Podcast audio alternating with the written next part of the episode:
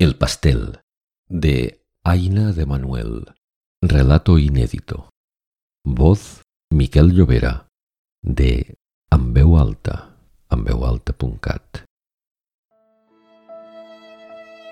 Cerró los ojos y sopló las velas. Inmerso en la oscuridad, husmeó el pastel. Deslizó la cortina y la estancia se inundó con la tenue luz de la luna. Paseó su mirada por la habitación y tras unos segundos la detuvo en la trampilla que había en el suelo. Le había costado un esfuerzo inmenso trocearla y meter sus restos dentro. Ya hacía días que la observaba. Tras la ventana miraba cómo se abría paso entre sus compañeras era la más hermosa y su caminar rítmico el más sensual.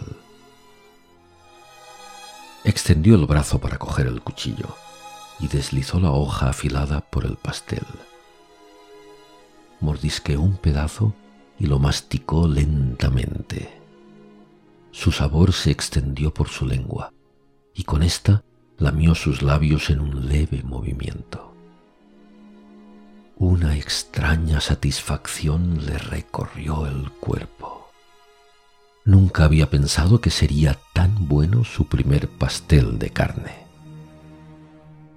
Una pequeña pluma atrapada en la trampilla le hizo pensar que ya no disfrutaría más de los huevos tan deliciosos que ella.